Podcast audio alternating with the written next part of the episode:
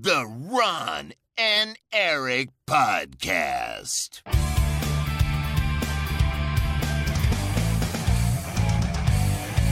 Double kill.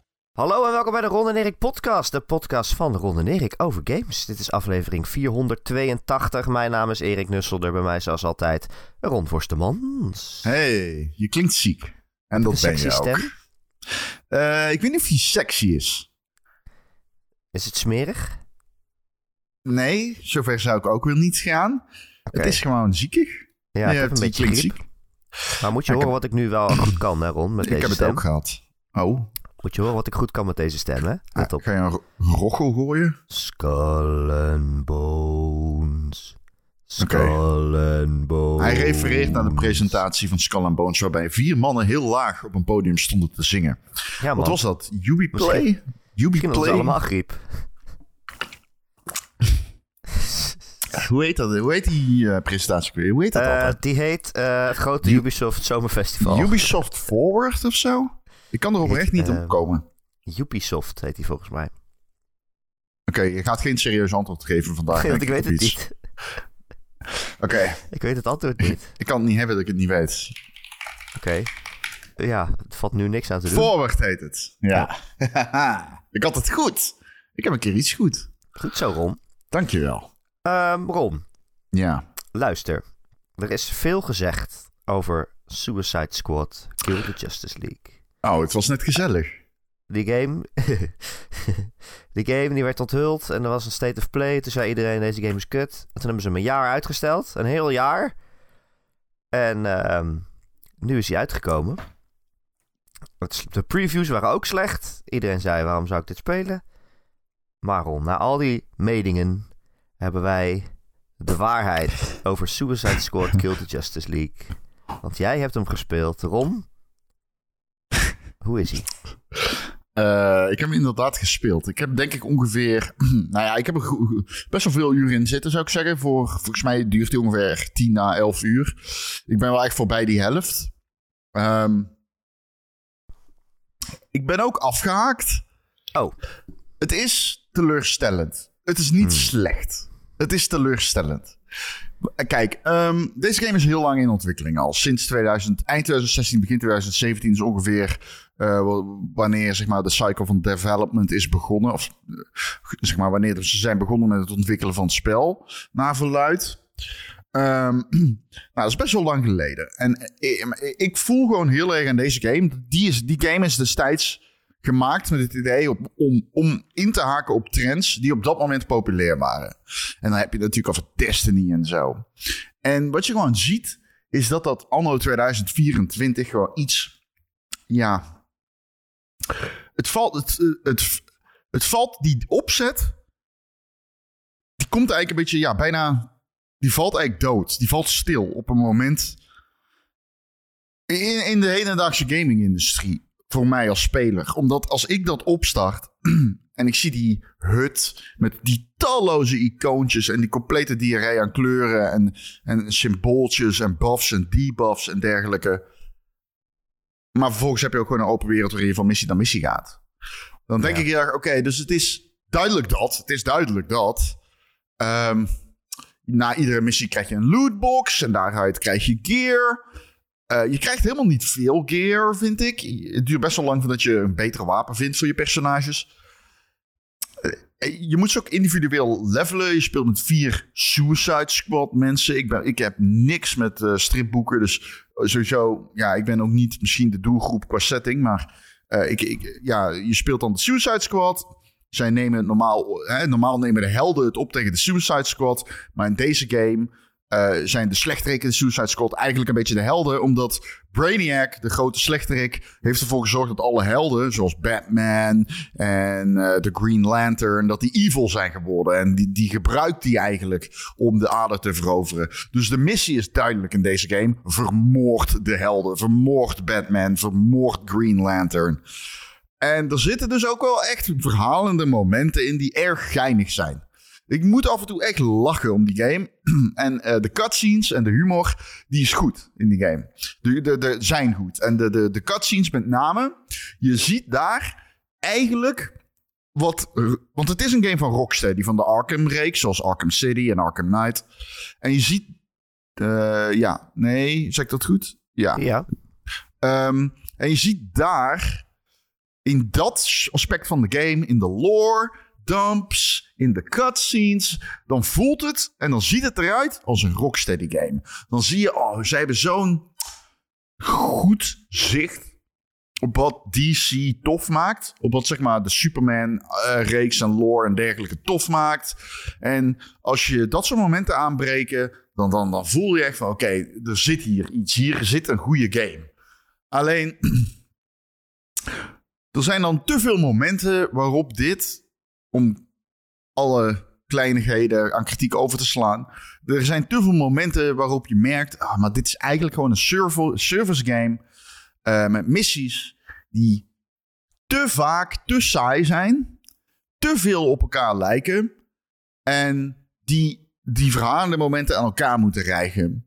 En dan heb ik het dus over, oh, eh, schiet drie van de generatoren kapot en dan kun je het hoofdding kapot maken.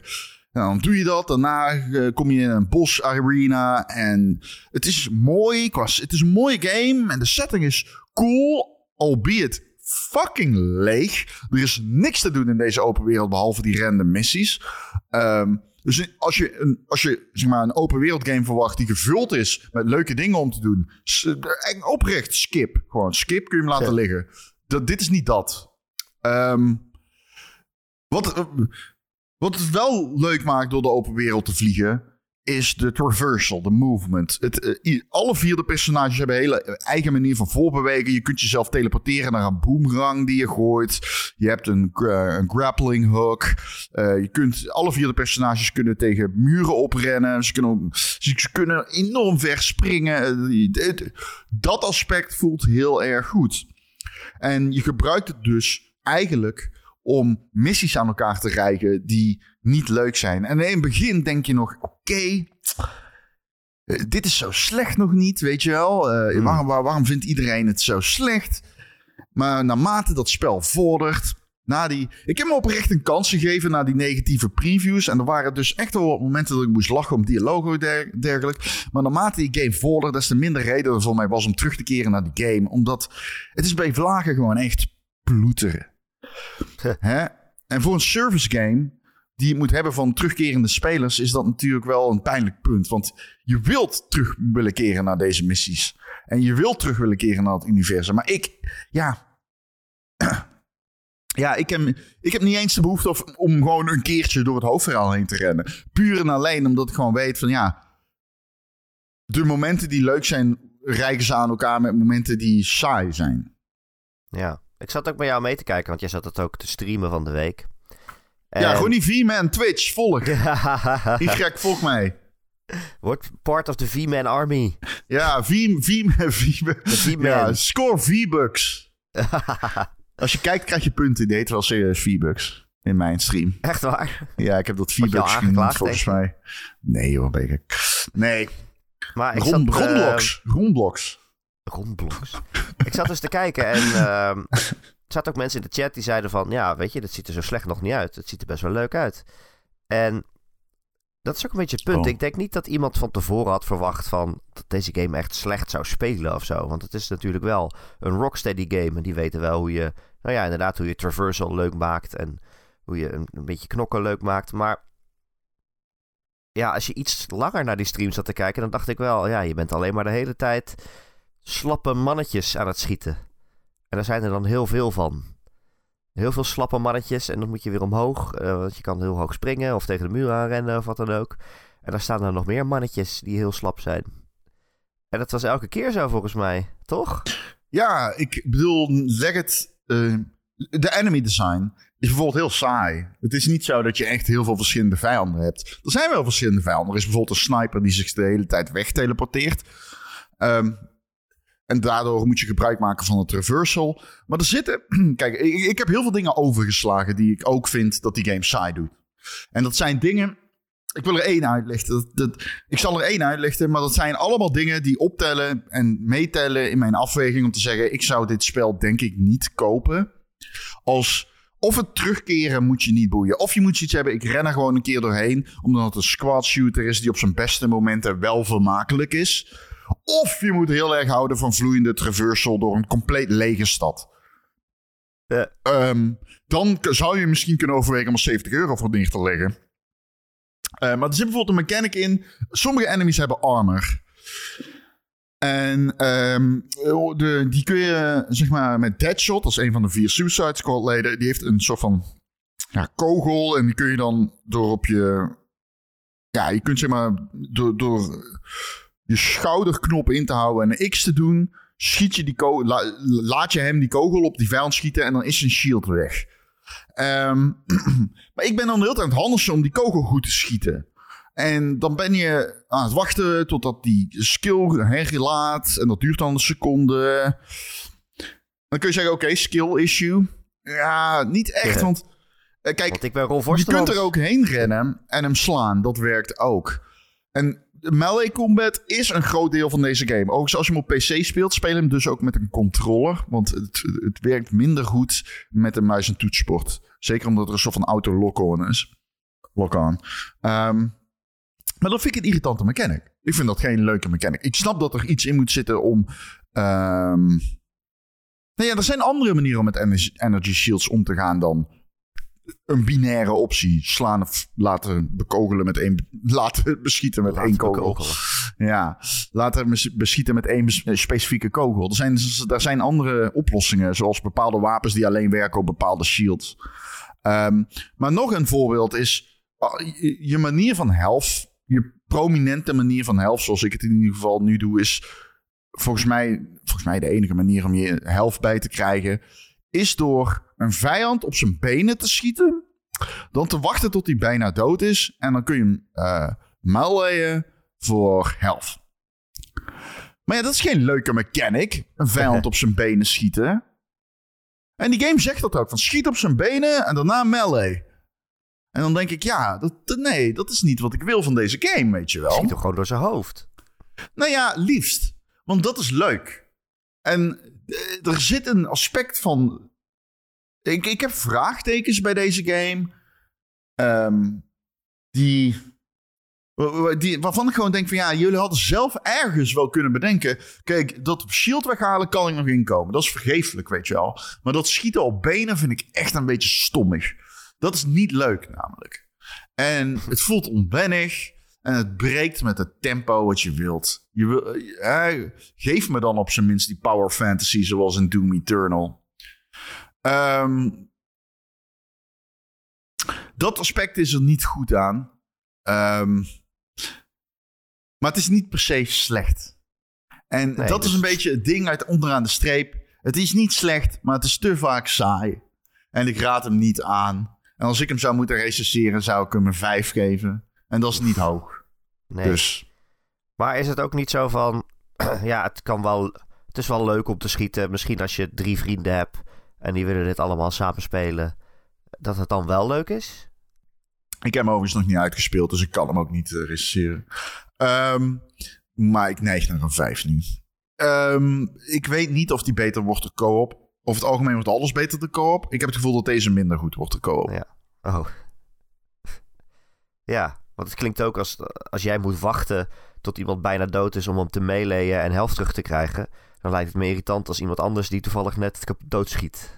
Nee, dat komt omdat ik het leuker vind om deze game te spelen als een singleplayer game. Omdat de cutscenes en de humor en de dialoog eigenlijk de enige hoogtepunten zijn. En het is leuk om in je eentje door die stad te janken met je, met je grappling hook bijvoorbeeld. Die co-op maakt de combat misschien iets leuker, maar de, co-op, maar de ervaring van het spel eigenlijk vind ik misschien nog wel minder. Ik, ik, ik zou niet zeggen deze... Ik denk eerlijk gezegd dat deze game beter is in je eentje. Ik heb hem in co-op gespeeld, ik vind hem leuker in mijn eentje. Oké. Ehm, ja, dan die stad. Jij zegt het is super leeg. Ja. Ik, hoe, hoe kan dat? Het, ik weet, jij bent geen comics guy, maar dit is, het, het is Metropolis. Dat is de Superman-stad, zeg maar. Dit is voor het eerst dat we Metropolis in een game zien sinds, I don't know, sinds Superman 64, denk ik. Niemand heeft het meer aangedurfd. Is er niks leuks te vinden? Er is, zeker wel... aangekleed? Of... Oh ja, nee. Ik denk wel dat er zijn... eh, je hebt de Riddler puzzles. En die zijn vaak op plekken waar je al ver van tevoren ziet... Oh, dat zou wel eens een puzzeltje kunnen zijn. Dat is heel hoog of zo. Hè? Je hebt een radiotoren en dergelijke. Dus je hebt wel, zeg maar... Het is herkenbaar. Grote standbeelden van Lex Luthor en dergelijke. En soms dan is er een eh, podcast zoals die eh, Jonah Jameson in... ehm, in Spider-Man. En die wordt dan uitgezonden op schermen in de stad, waar normaal reclames op te zien zijn. Dus het voelt wel in die zin, immers- het is een immersieve stad, zou ik zeggen. Het is, er is zeker nagedacht over hoe ze die eh, Superman-achtige invulling willen geven, of DC-achtige invulling.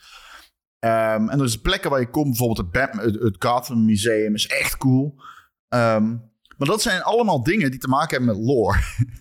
en dat is Ja. waar deze game echt shined.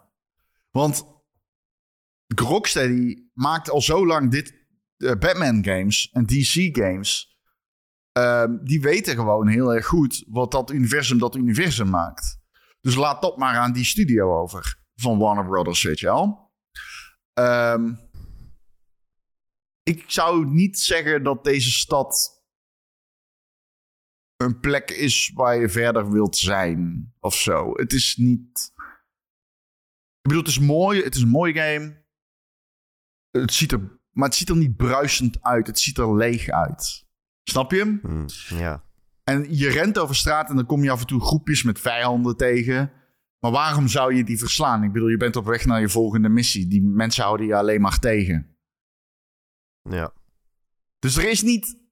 Er is geen flow anders dan ga van missie naar missie. Je bepaalt af en toe wel welke missie je doet. Alleen de missies die random zijn, lijken vaak heel veel op de missies van de hoofdmissies. Alleen de hoofdmissies, die hebben dan weer. Ja, soms kom je. Op een gegeven moment kom je Poison Ivy tegen. En dat is dan best wel. Ja, een spectaculaire cutscene. Eh, Huh? Dat is. Ja, dat heeft dan weer te maken met. ehm, zij is dood in het verhaal. Ik wou zeggen.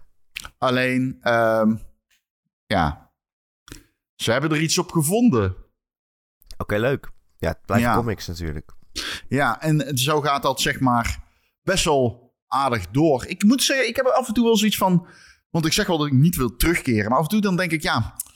eh, In batches van twee uur of zo zou ik het best wel kunnen spelen. En ik raad hem niet volledig af. Maar kijk, op Game.nl zeg ik, zeg ik altijd in de eindredactie van... eh, We houden er geen rekening mee hoe duur iets is. Want dat is irrelevant. Het is goed of het is slecht. In deze podcast kan ik daar iets eh ruimer in zijn. Dan zou ik zeggen, ik zou misschien wachten tot hij in de budgetbak ligt. Kijk, want Ja. als je hem voor 20 euro kan oppikken... en dat gaat niet lang duren, denk ik. In ieder geval dat je hem voor de helft kan oppikken. En eh, nogmaals, ik zou hem in je eentje spelen, maar dan, dan, dan, dan...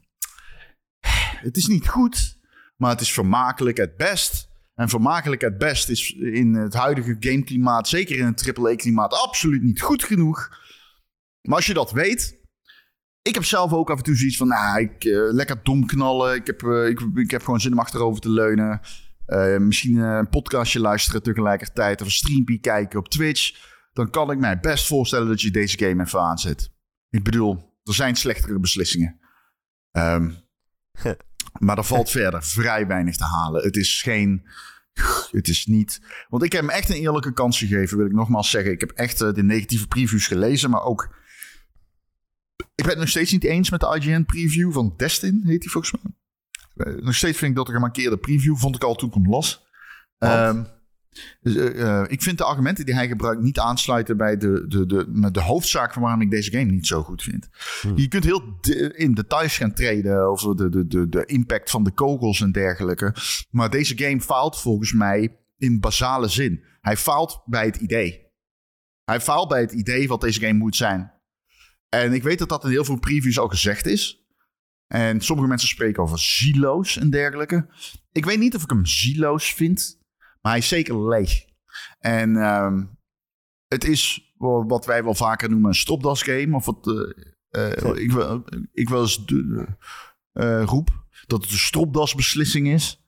En dit voelt als een game die bedacht is door iemand met een stropdas. En daarna uitgewerkt moet, moest worden door mensen die verstand hebben van hoe je games maakt. Ja. En, het, Ja. eh, en, wat er resteert is zeg maar een game die bij vlagen goed is, maar in concept faalt. Moet wel zeggen, die tussenfilmpjes zien er echt super duur uit. Dat Ja. is echt heel mooi. eh, gezichtsanimaties en zo. Dat is echt amazing. Ja, nee, het is eh, op die momenten merk je dat het een Rocksteady game is. Ja, Dat, dat is wat ik zeg. Het is eh, tijdens lore dumps en cutscenes. Dan is het een goede game. Dan, dan is het een goede game. Oprecht een goede game. Maar die game is te vaak te saai. En je struikelt je een weg naar het einde. En als het einde er eenmaal is. Ik ben er nog niet geweest. Dan breekt zich natuurlijk de contentcyclus aan. ja. Ehm, en, en kijk, eh, de, ik, ik weet niet hoe de endgame gaat zijn. Ik ga hem nog wel uitspelen, overigens. Ik had dat graag hiervoor gedaan. Maar ik ben al bezig met een andere game die ik ook voor de podcast wilde spelen. Die ik veel beter vind. Ehm, ehm, en dus, dus het is een beetje zo van... ik, ik, ik, ik kan niet echt aanraden. Het is te vaak te saai. Er zitten momenten in inderdaad dat het duur is, dat het goed is. Dat, dat ik het, er zijn ook momenten dat ik denk, ik, ik heb nou al zin in dom le, eh, eh, leep vermaak. Ehm, maar verwacht alsjeblieft niet meer dan dat, want dat is het niet. Weet je wat ik ook een beetje heb eigenlijk? Het, het speelt zich in dezelfde universum af als die Arkham games. En dan zeggen ze tegen mij, kom we gaan alle helden vermoorden. En dan denk ik, ja op zich is dat een leuk idee, maar ik wil niet die Batman vermoorden eigenlijk.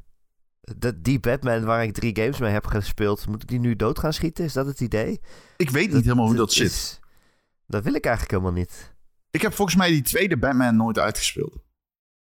Tweede. Die derde, Tweede? ja, de tweede van Arkham. Knight. Arkham City heb ik nooit uitgespeeld. Oh, City. Nee, ik bedoel niet Arkham Knight, want die is niet van Rocksteady, toch? Welke was die eerste?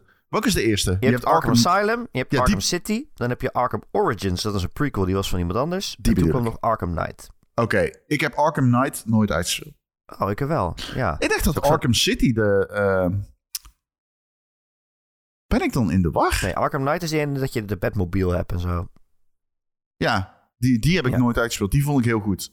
Ik vond Ja, Arkham Asylum de beste, denk ik. Ja, ja, ja. En ik vond eh, Origins de slechtste, volgens mij.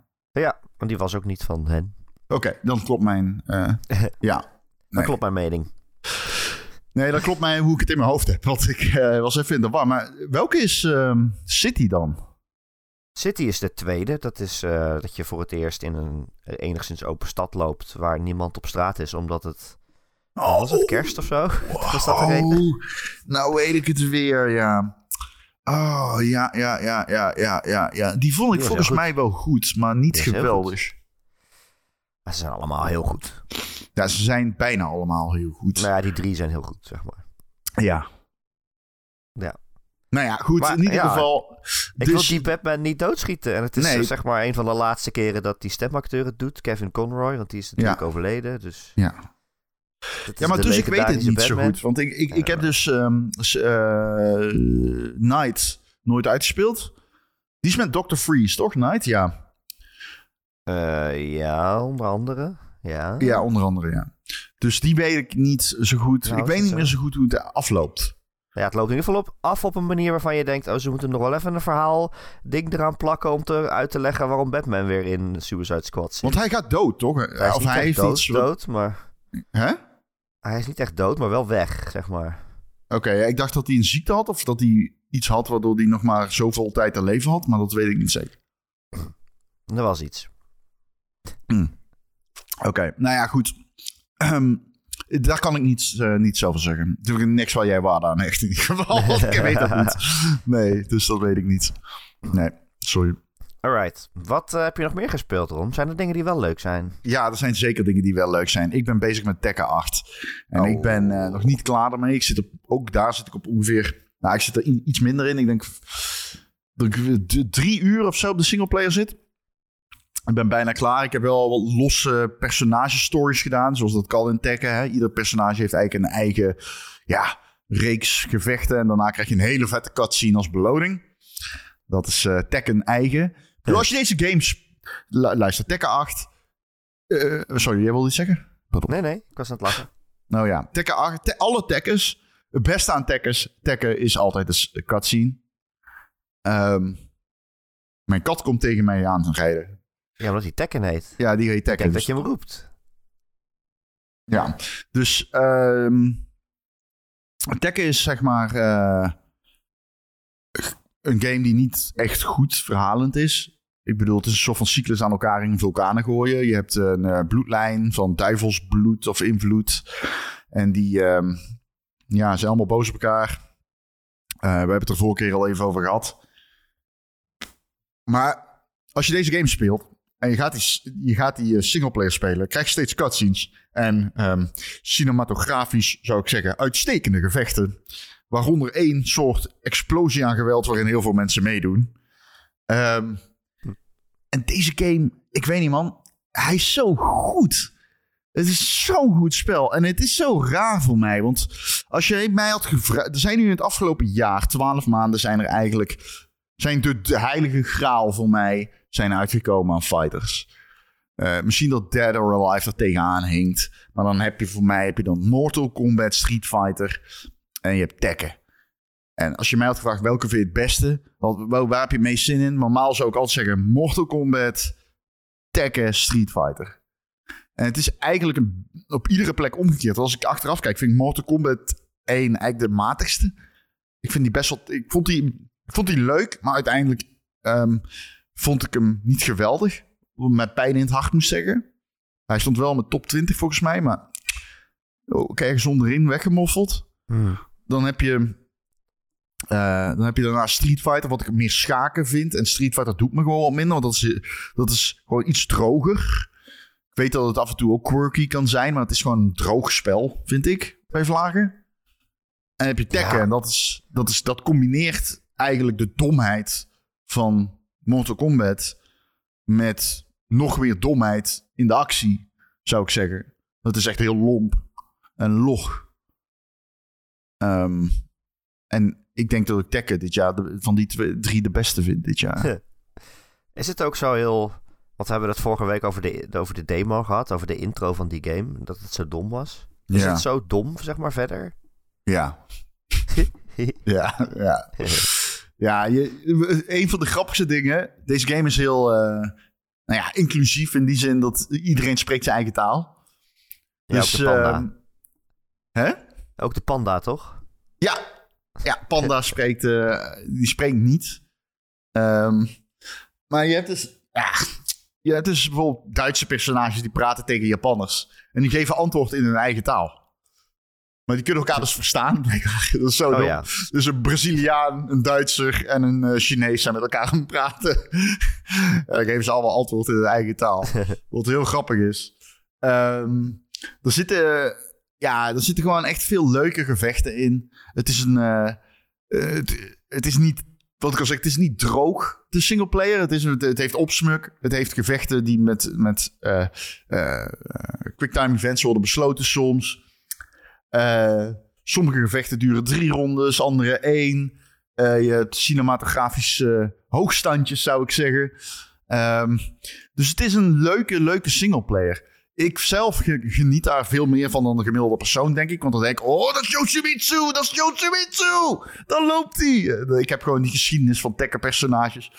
Um, maar ja, het is gewoon de domste vechtgame, vind ik. En daarom voor mij de leukste. En deze is echt heel erg goed. Ik vind de gameplay echt super leuk. Ze hebben een soort versimpeld control scheme. En daarmee kun je echt op een hele makkelijke manier hele vette combo's uit je controller gooien. Um, dat helpt enorm, denk ik, in het bijdragen aan de toegankelijkheid van de actie. Want Tekken heeft hele vette actie. Het is, uh, het is een beetje uh, showmanschap, weet je wel. Je, je, je, je hebt echt een bepaalde. Je hebt bijvoorbeeld, nou, je hebt een meter, die is nieuw, die heet de, de, de Rage Meter. En als die vol is, dus richting als je bijna doodgaat, dan kun je die op ieder moment op de rechte trigger duwen, kun je die inzetten. Ja, en dan, dan begint er een, sequentie. Dan jank je mensen de lucht in, breek je hun rug en daarna dan gooi je ze weer terug op de grond. Het verschilt per personage.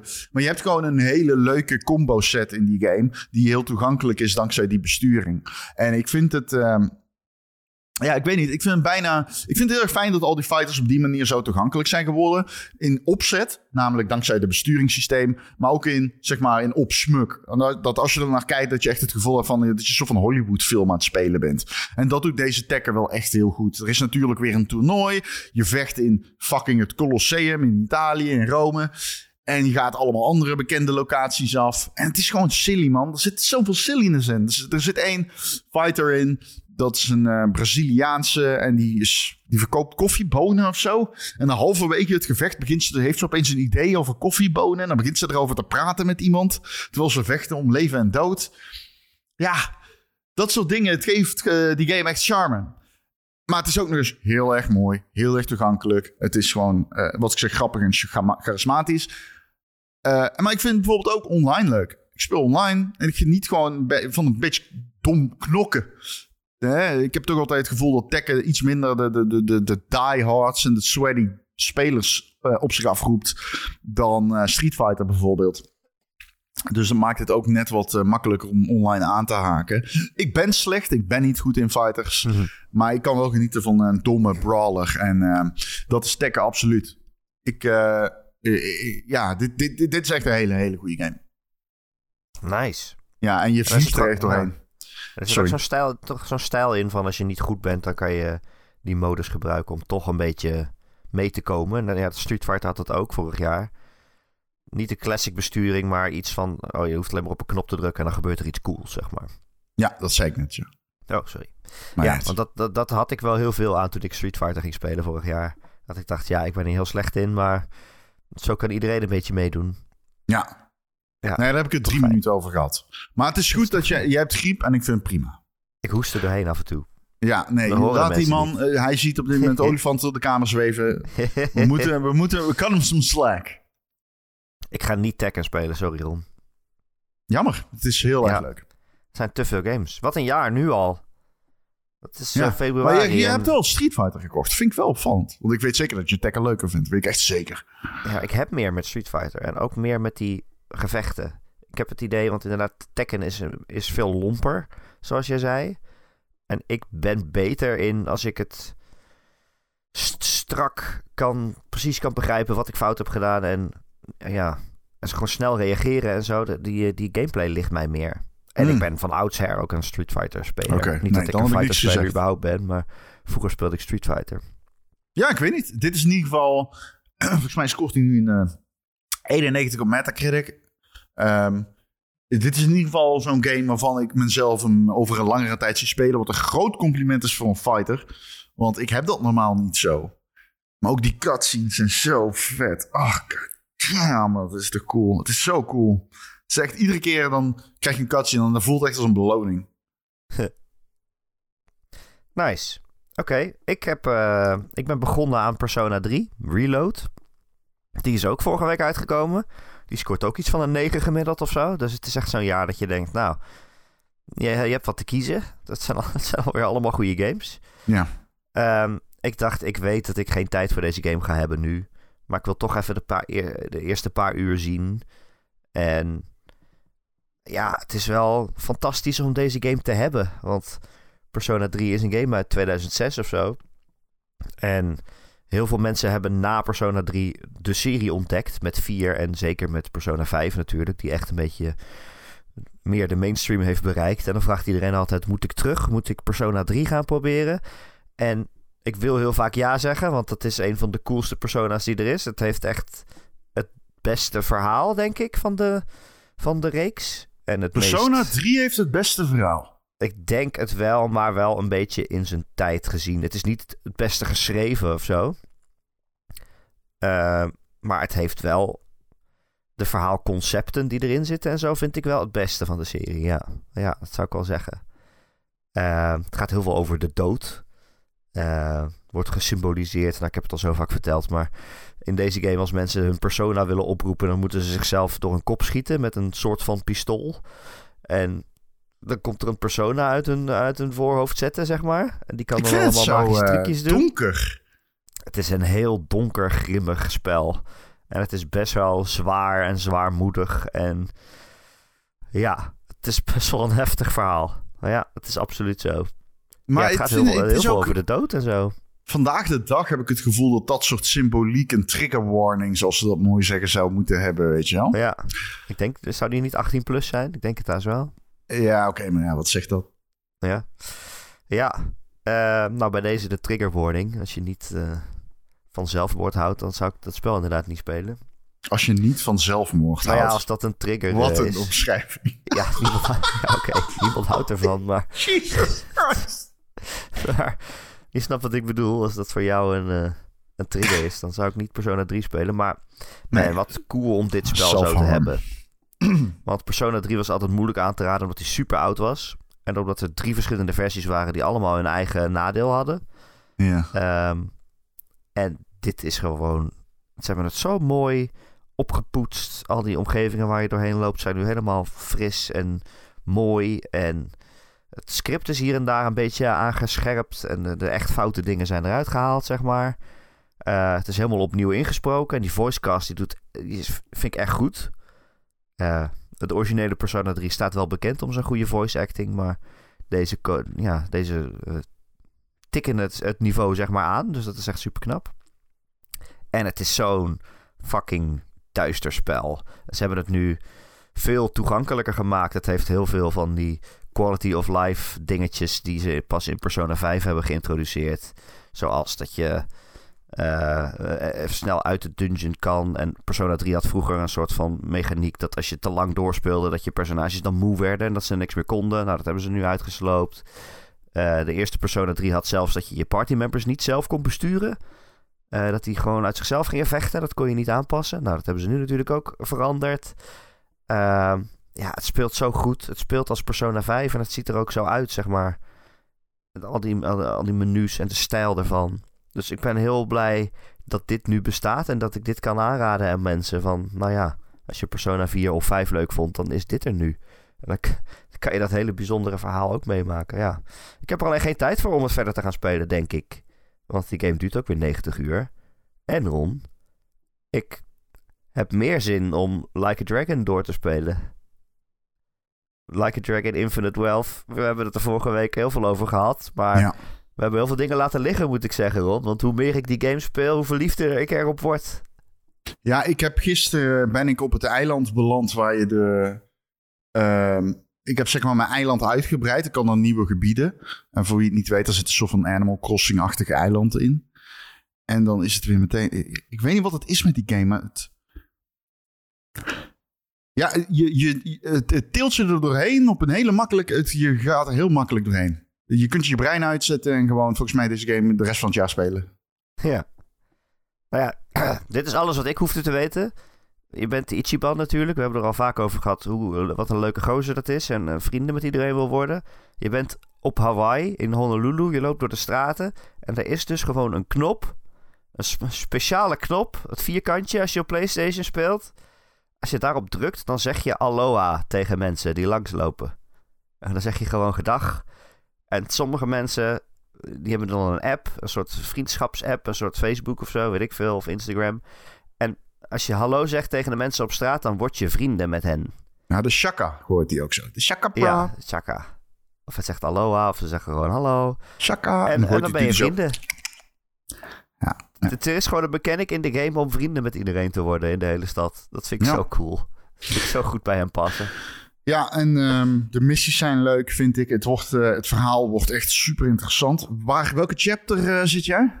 Of act? Drie of vier of zo. zo. Oké, ja, ik in acht volgens mij. Oké. En ehm, ja, het is eh, zeer charismatisch. Het is opnieuw zo'n... Dit wordt het jaar van de charismatische games. Games met hart en ziel. Want Tekken heeft dat ook al. Ik heb dat hier ook al. Ik, gewoon, ik ben verliefd op dat spel, man. Ja. ja, het is fantastisch. Ja. Ehm, wat komt er nog meer uit dit jaar? Vragen mensen zich af. Nou, Sony die had een State of Play. En eh, gaf daar weinig antwoord op. Ja, Ehm, ja Sony had een State of Play met iets van 15 games erin. Ehm, we hebben het samen gekeken, Ron. Heb je je Ja. vermaakt? We hebben op mijn stream gekeken, Ronnie V-Man. Oh, Volg, like, volg subscribe. Ronnie V-Man. Ehm, hebben we ons vermaakt? Zeer goed vermaakt. Ik vond, echt een, ik vond het denk ik de beste State of Play die ik heb gezien. Ehm, ik vond het, eh, er zaten heel veel leuke dingen in. Ik, ik, ik vond echt een goede, vermakelijke presentatie. Dat gezegd hebbende. En dit zei ik ook in de Gamer.nl Discord achter de schermen. Van ja, ik heb toch het idee dat de first party op korte, middelkorte termijn, zeg maar het komende 12 maanden, dat het first party aanbod van Sony gewoon heel magertjes gaat zijn. Ehm, Ja. En ehm, nee, en ik denk dat sluit niet uit dat, dat ze. eh, dat, dat, dat bijvoorbeeld een nieuwe Final Fantasy en Rise of the Ronin en zo, dat dat niet eh, gaat knallen, want dat zou zomaar kunnen. Ehm, bij Final Fantasy verwacht ik dat zeker. Eh, maar Oh, als je kijkt naar first party studios, games die door inhoud, die in-house gemaakt worden, niet eh, eh, zeg maar first party uitgegeven worden, dan denk ik dat de, de, toekomst vrij bleek is. Ehm, ik vind dat persoonlijk niet zo erg. I don't really care wat exclusive is, first of third party. Ik bedoel, who cares? Ik wil gewoon goede games spelen. Dus dan zit je denk ik redelijk goed met de PlayStation. Ehm, maar de hele... ehm, ik denk dat we de, het narratief van je speelt PlayStation voor de exclusives in first party zin, dat is wel een beetje aan het wegappen. En dat komt door een paar tactische keuzes die gewoon niet goed zijn uitgevallen. Maar ik denk ook omdat ze gewoon iets minder studio's hebben dan bijvoorbeeld Microsoft. En ik denk dat dat in de toekomst, maar ja, dat is wat wij, wat ik altijd heb geroepen. Ik denk dat in de toekomst wel alleen maar een grotere rol gaat spelen. Ehm, dus ja, eh, eh, dus ik, vind, ik vind dat niet erg, maar ik kan me voorstellen dat er mensen zijn die ernaar hebben gekeken en dachten van ja, maar waar is Naughty Dog dan maar bezig? En dan denk ik, ja, daar kom je over vier jaar achter waarschijnlijk. Ik denk wel, heel veel mensen hebben het daarover. Van, oh, waar zijn alle first parties? Ik denk wel, ja, wat maakt dat de gemiddelde gamer uit? Nou, de gemiddelde bedoel- gamer meer dan ons, denk ik eerlijk gezegd. Nou ja, ja, is dat zo? Gewoon iemand die misschien niet eens deze podcast luistert, die gewoon van spelletjes spelen houdt en die ziet Final Fantasy 7 Rebirth en die denkt, dat ziet er cool uit, waar kan Nee, ik dat oké. spelen? En dan is het antwoord PlayStation. Of die ziet Rise of the Ronin, of die ziet The Death Stranding 2 en die denkt, wat de fuck gebeurt daar? en die denkt, waar kan ik dat spelen? En dan is het antwoord PlayStation. En wat maakt het dan uit dat dat niet first party is? Als je dat bedoelt maar. met gemiddelde gamer, als je letterlijk gewoon iedereen, zoals mijn Gemiddeld. broer bijvoorbeeld, die gewoon de Ja, nieuwe gemiddeld. PlayStation koopt. Ja, gemiddeld, maar ik zou zeggen, de gemiddelde gamer moet de keuze maken tussen Xbox en PlayStation. Denk ik dan bij mezelf. Ja, Dus dan, en als ik denk, waarop maak je die keuze? Dan zou ik zeggen op basis van games. Maar ja. ik denk voor veel mensen dat het ook gewoon is, ja, maar in, zeker in Nederland is het gewoon een PlayStation. Het antwoord is gewoon een PlayStation kopen. Dus eh, ja, ik denk Sony geniet een heel groot, eh, g- grote voorsprong. Ik denk ook gewoon dat die gaat blijven. Maar ik, eh, ja, er komen wel gewoon minder games in dat opzicht aan. Dat is niet erg. Maar wel als je dat verwacht. Ja. ja. Eh, ik vond wel dat er veel games in deze presentatie zaten van... Oh, het is even een updateje over iets dat we al weten. Van een game die bijna uitkomt. Dus hier is nog een trailer. Bijvoorbeeld van eh, Helldivers 2. Die komt volgende week natuurlijk uit. Dus daar begonnen Ja. ze dan mee. Eh, of van Foam Stars. Die komt ook binnenkort uit. Dat is ook nog even een trailertje. Ehm, of een soort van updates van dingen waar we niet echt veel aan hebben. Zoals Sendless Zone Zero zat ertussen. En dan krijg je een trailer van die game. Een nieuwe game van de Hoyoverse. Maar er staat dan niet bij wanneer die uitkomt of zo. Dus je weet eigenlijk niet meer dan wat je ervoor wist. Er staat allemaal weinig uitleg bij. Ehm, of Silent Hill 2 of zo. Dan denk ik, ja, dat is een, een, een nieuwe trailer van een game die we al wisten dat die kwam. Ik vond die er niet goed uitzien, overigens. Nee, die vond ik ook niet goed uitzien. Nee. Ehm, ik vond wel die trailer van Judas best wel cool. Ja, die was cool. Eh, nieuwe game van eh, Ken Levine, de maker van Bioshock. Ziet er ook heel Bioshockig uit. Dat is gaat een veel- understatement. Het gaat heel veel over social media. Ehm, maar ook daarvan, ik bedoel, die game was al een keer aangekondigd, maar hier staat dan weer niet bij, niet eens welk jaar die uitkomt, zeg maar. Dus eh, hoe lang moeten we daar precies op wachten en waar, wa- wat hebben we er dan aan om nu nog een trailer te zien, behalve dat het er cool uitziet. Ehm, er waren twee VR-games. Metro Awakening voor de PlayStation VR 2, VR2. Ehm, die zag er wel best wel cool uit. Ja, Ehm, van een eh, Nederlandse studio, toch? De studio die eh, Arizona Sunshine maakt. klopt. Die zag er best wel duister uit. Ja, het is in de Metro Universe, dus het is al, sowieso allemaal duister en kut. Maar eh, het zag er ook wel zo eng uit dat ik het niet kan spelen, zeg maar. ik ben benieuwd of ze alle uitdagingen die... ehm waar zeg maar Half-Life Alex tegen aangelopen is... ja, ik ben gewoon ben heel benieuwd of zij... eh, ja, de- hoe, hoe zij daarmee omgaan. Het, het is moeilijker dan je denkt, denk ik. En eh, Vertigo heet dat bedrijf. Ehm, ik, ik, ik, zij doen heel veel met VR en eh, dat is hun ding. En eh, volgens mij, ik ben eens een keer gevraagd om een game te komen testen. Gewoon als eh, zeg maar QA. Ehm, en ik, heb daar wel vertrouwen in, denk ik. Ehm, ik heb dat toen overigens niet gedaan. Maar ik heb daar wel vertrouwen in, denk ik. Maar het is niet... Ik, heel veel mensen zeggen van... Oh, het lijkt heel veel op Half-Life Alex. En dan heb ik bijna zoiets van... Ik, ik weet niet of je het zelf door hebt... maar de lat leg je daarmee insane hoog. Ja. ja. En dat is weer bij de, dat is het enige waar ik een beetje loop. Dat ik denk dat mensen. Ja, dat is, eh, dat is een ander budget. We moeten wel realistisch blijven. Maar hopelijk kunnen ze het. eh, hey, ik, ben benieuwd wat zij gaan doen met first-person eh, shooter mechanics. Weet je wel? In een enge setting zoals Half-Life Alex. Ja. Ja. Nee, daarom eh, weet ik het ook nog niet helemaal. Ja, die trailer ziet er super cool uit. Maar inderdaad, die vergelijking met Half-Life Alex gaat al snel op. Als je in een, eh, du- door duistere gangetjes loopt en je kijkt om een hoekje en daar is een klein monstertje dat op je hoofd afspringt. Ja, dan, roep je ook wel een beetje de vergelijking over jezelf op natuurlijk. Ja. Over jezelf af, moet ik zeggen. Ja. Maar ja, misschien kunnen ze het wel aantikken. Ik bedoel, eh, Half-Life Alex is ook alweer een paar jaar geleden. Dus ja. Hij komt overigens ook uit voor andere VR-headsets. Eh, Dragon's Dogma 2 zag er super cool uit, vond ik. Die komt op 22 maart al uit. Dus ja, die had hier dan ook nog maar weer even een trailertje. Ehm, maar ik ben nooit een Dragon's Dogma persoon geweest, echt. Ik heb er wel een beetje aan gesnuffeld, maar... Deze tweede game ziet er wel echt cool uit. Dat hele concept van dat je op monsters kan springen en aan- tegen ze aan kan klimmen en zo. En, en, eh, goed vasthouden aan hun haren en zo. Maar dan in zo'n eh, RPG als dit. Ik, weet, ik ben heel benieuwd of deze game heel goed gaat worden of niet. Ik denk het wel. En eh Capcom is op een winning streak. En eh Dragon's Dogma 1 was een game die draaide... nou ja, laat ik zeggen... Je hoeft Dra- Dragon's Dogma 1 niet te, niet te spelen om Dragon's Dogma 2 te... eh, Nee. Om aan dit tweede deel te beginnen. Zeggen ze zelf ook. Maar bovenal... Het is, ik raad het ook niet aan. Want Dragon's Dogma 1... Je zag dat het een goede game was. Maar er was best wel veel. Met name gameplay technisch. En eh verhaal technisch. Dat gewoon niet helemaal uit de voeten kwam. eh, niet helemaal goed uit de voeten mee kwam. Hoe zeg je dat? Uit de voeten kwam. Ja, I guess. En ik ehm, ben.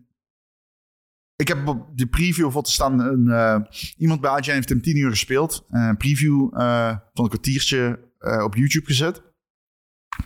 En alles wat hij zegt is precies wat ik wil van een Dragon's Dogma 2. Je wil die, die extreem vette spels die lang duren om te casten. Omdat je een, een, een sorcerer bent.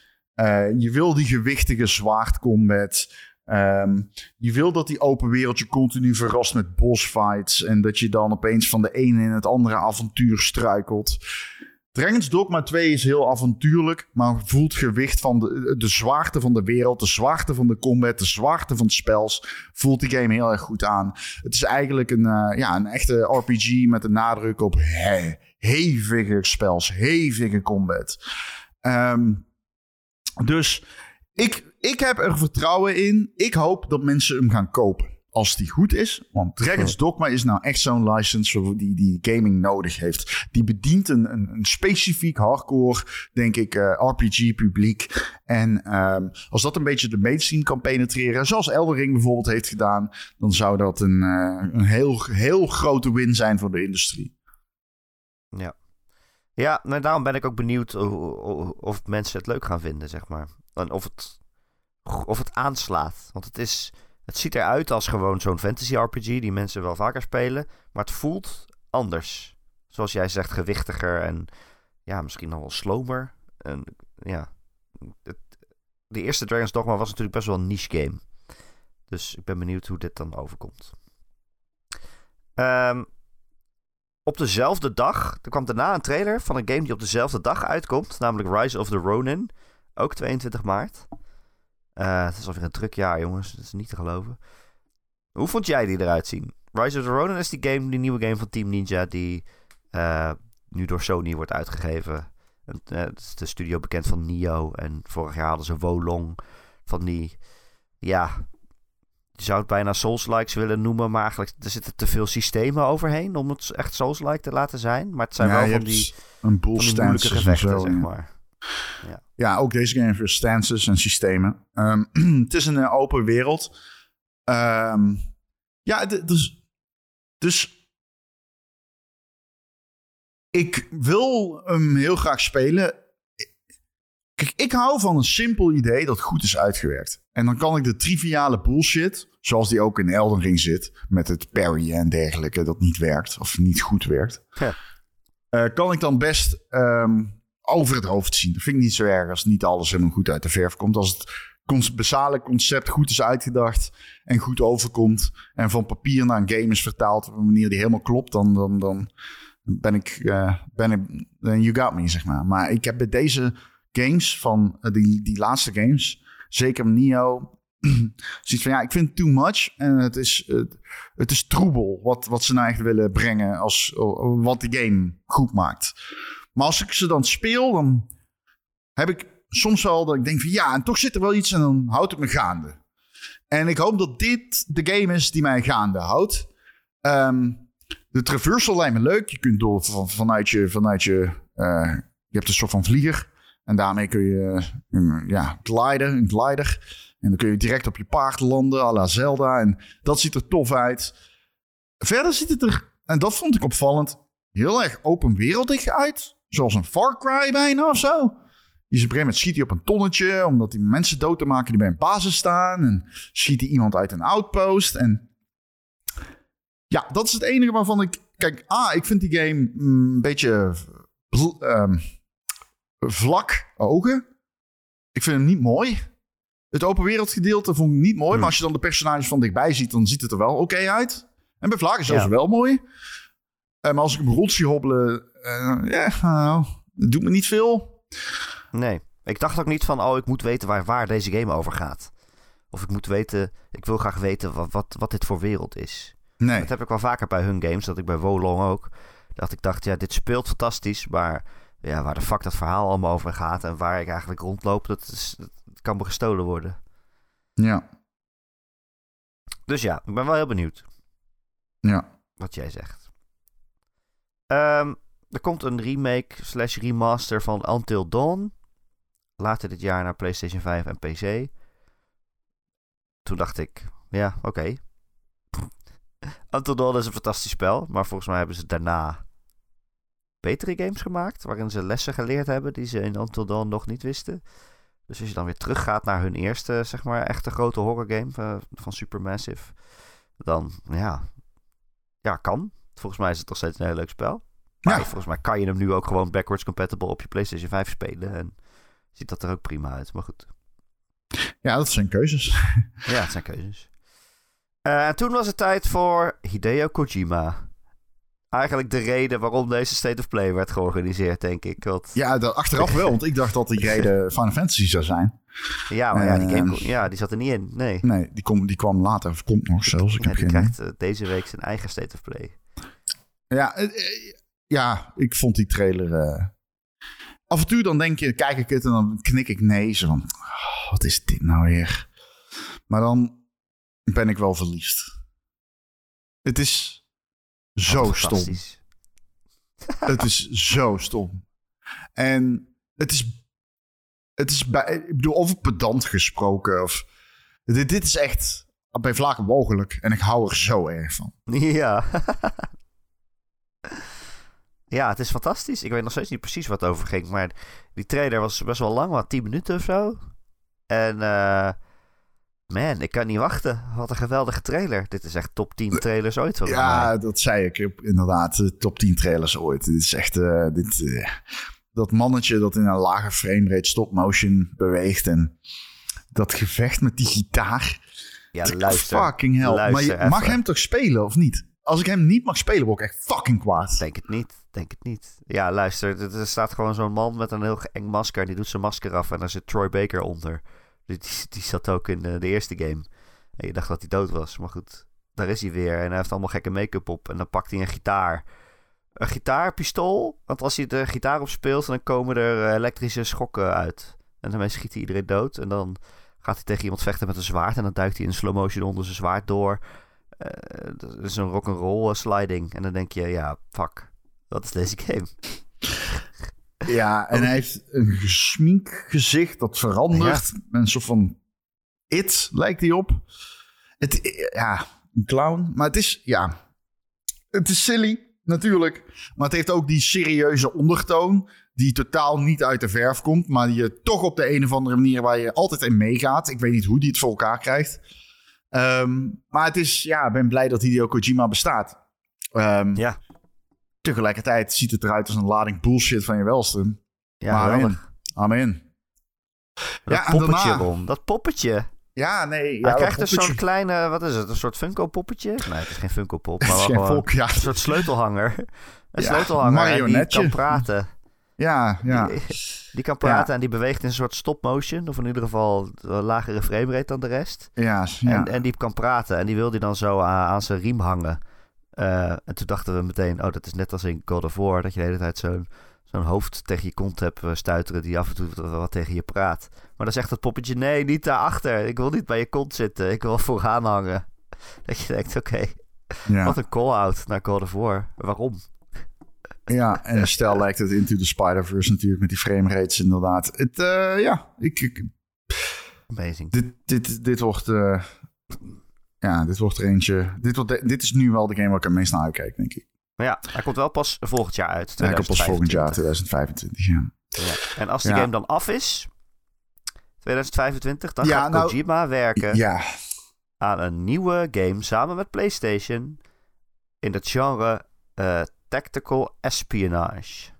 dit is dus Sony die zegt... Ja, bij Konami kan die niet meer werken aan Metal Gear Solid. Dus we laten hem een li- license maken die alles weggeeft van Metal Gear Solid. Dat is waarschijnlijk wat hier gaat gebeuren. Tactical espionage is gewoon Metal Gear Solid. Ja, In alles heet behalve naam. eh, het heet straks Iron Coke eh, Liquid of zo. Hoe het het Ints is of zoiets, hoe heet het? Ja, het heet Vissend. Vissen. Ja, ehm, ik... Ik weet niet waar het ehm, voor staat. Nee, ik weet niet hoe jij daarin staat. Kijk, ik weet een beetje hoe je erin staat, want we hebben het erover gehad, maar... Ik vind niet dat je de... Ik, ik ben ook hyped. Ook ik had zoiets van, wow, ik dat is cool dat hij weer zoiets gaat doen. Ehm, laten we eerlijk zijn, dit wordt een PlayStation 6 game. Ehm, en ik heb zoiets van, ja, hij is nog niet eens in pre-productie. En hoe bleak is je ve- first party vooruitzicht. Als jij titels gaat aankondigen die nog niet eens in pre-productie zijn. Want let wel, er zijn drie redenen om dat te doen. De reden één is om talent aan te trekken. Maar dat is nog niet nodig, want die game is nog niet in pre-productie. Ja? Eh, Reden twee is om gewoon de mensen gerust te stellen. Eh, aandeelhouders en, ehm, eh, en spelers die maar continu blijven vragen van... hé, hey, wat blijft die game? Nou, laten we het op die twee houden. Dat zijn de twee voornaamste redenen, denk ik, om dat te doen. En ja, het voelt als een beetje zo van... ja, hij komt eraan, hoor. Maar het is niet echt nodig om hem nou al aan te kondigen, gewoon. Geef het wat, had het wat tijd gegeven. Ehm, want niemand wist dat het ging komen. Dus het is ook niet nodig om het dan om de druk van de ketel te halen. Wat dit voor mij een raar moment voelt om opeens te zeggen: ja, en na dit project, dat nog niet eens af is, begint de pre-productie van een game die, die wij hebben aangekocht. Het contract. Eigenlijk zegt hij: we hebben een handtekening gezet. Ja, precies. En dan denk ik: ja, maken. ja, en dan denk ik: ja, er is niet echt een goede reden om dat te doen. Behalve om te kunnen zeggen: we hebben nog iets dat eraan komt. Ja. Nou ja, ik, denk, ik dacht wel van... Kojima heeft natuurlijk een game met Xbox aangekondigd ook. Dat de OD. Ehm, ik dacht wel, oh, dat het ligt daaraan. Sony wil ook aan zijn aandeelhouders kwijt van... hé, hey, wij raken Kojima niet kwijt. Dat is dat wel kan een je goed natuurlijk punt. dat kan je, dat kan je denken van... oh, Ja. Kojima gaat naar Xbox, want daar maakt hij een game voor. Ah, dat is wel een goed punt. Dat zou Kojima heeft het maar druk, man. Ja, Hoe groot is zijn studio? dat wilde ik net eh, vragen. Ja, geen idee. Ja, hij zit met Jordan Peele een game voor Xbox te maken. En dan gaat hij nu weer een, een Metal Gear Solid-achtige game maken. Oké, okay, Tron. Hm? hij zegt dat hij over twee jaar zit hij 40 jaar in het vak.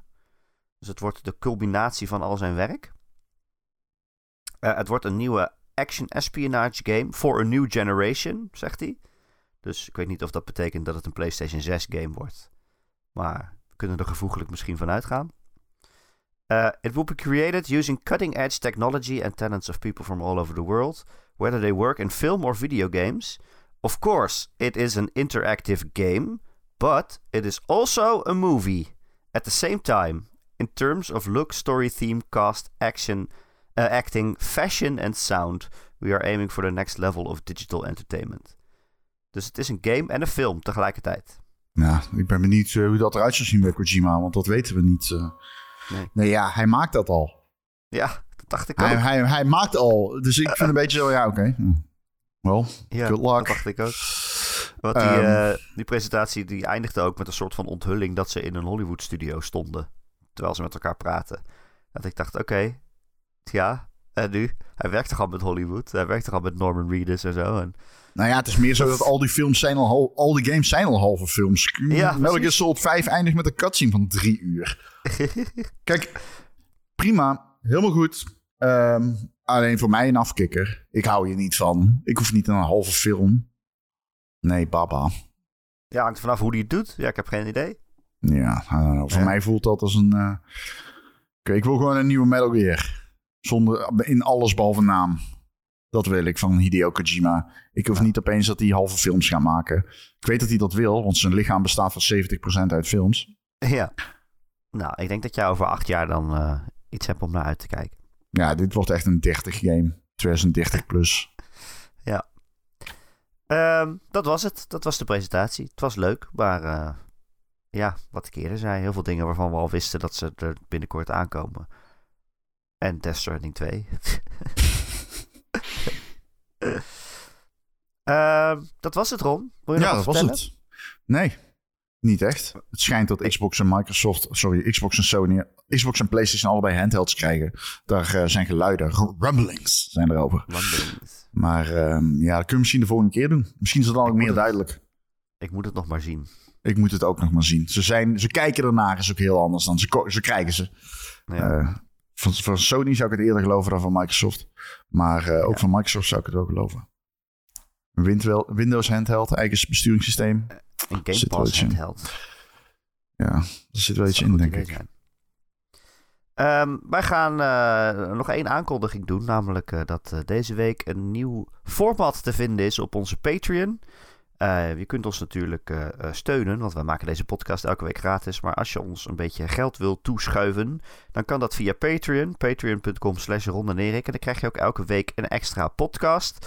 Daar hebben wij al verschillende gevierde formats om. Kunnen we wel zeggen. Maar uh, deze week komt er eentje bij en die heet Heaven and Hell. Wil jij vertellen wat het inhoudt? We, weet je de naam al? Is het Heaven and Hell?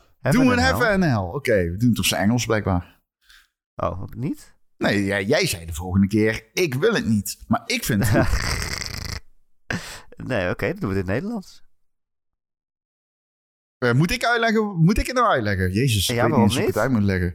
Nou ja, we moet, je, wij kiezen allebei games. En die, moeten, die komen in een top 50 slecht of top 50 goed. Maar degene, als je ze kiest, moeten ze erin. En samen moeten we overleggen over waar ze in het rijtje komen.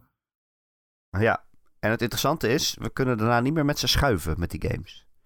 Dus als wij nu zeggen, oh, er staat de game op 35, dan, uh, dan moet hij daar ook blijven staan. Nou, het interessante zit er maar in dat ik jou goed kan naaien.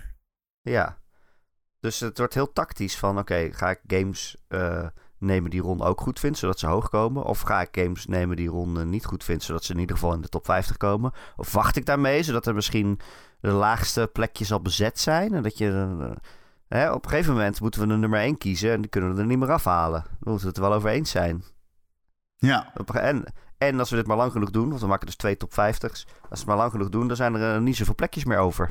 Ja, dus plus waar zou uh, Sonic 2 zetten je, in de top 50 slechtste game ooit gemaakt. Ooit gemaakt. Kan je, ineens, kan je ineens Sonic 2 in de top 50 beste games zetten? Nee, want Weet ik je vond het wel. slecht. Dus hij moet erin, dat is het. En we moeten Ja. samen een top 50 beste games ooit gemaakt en een top 50 best slechtste games ooit gemaakt. Dat wordt spannend. Nou, was leuk. Ik heb er zin in.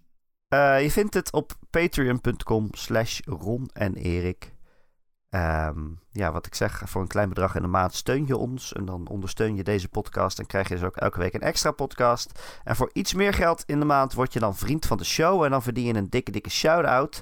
En dat zijn deze week Bas B86, Betje Fris, Bobby, Christian, Dozen Faces, Dr. Dirk, Crackio, Heisenberg 190, Marky Mark, Mr. Mime, Raoul, RDK for Life, Recreator, The Rock, The Killing Bean, Tijn en zijn vrouw, Tijns Minares en Wesley D.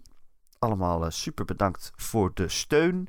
Eh, heb je geen geld om aan ons te geven? Geen probleem. We zouden ook heel blij zijn als je ons een recensie kan geven eh, op de podcast-app waar je naar luistert. Bijvoorbeeld Spotify of Apple Podcasts. Want dan zijn wij weer beter vindbaar voor nieuwe luisteraars. En je bent bovendien welkom in onze Discord, de Ron en Erik Discord. Het is de leukste gaming community van gans de Benelux. En eh, er zitten meer dan 500 luisteraars in. Gewoon eh, lekker eh, samen te kletsen over games. En af en toe ook samen te spelen. En het, het nieuws te bespreken. En het is daar super gezellig. Dus kom erbij. De link die vind je in de show notes van deze podcast. Daar klik je op en dan zit je erin. Ron, dankjewel weer voor eh, al het praten. Zodat ik tussendoor even kon hoesten. Nee, jij bedankt. En Peter Schrap ook. Jeetje. Ja, thanks. Eh, tot volgende week.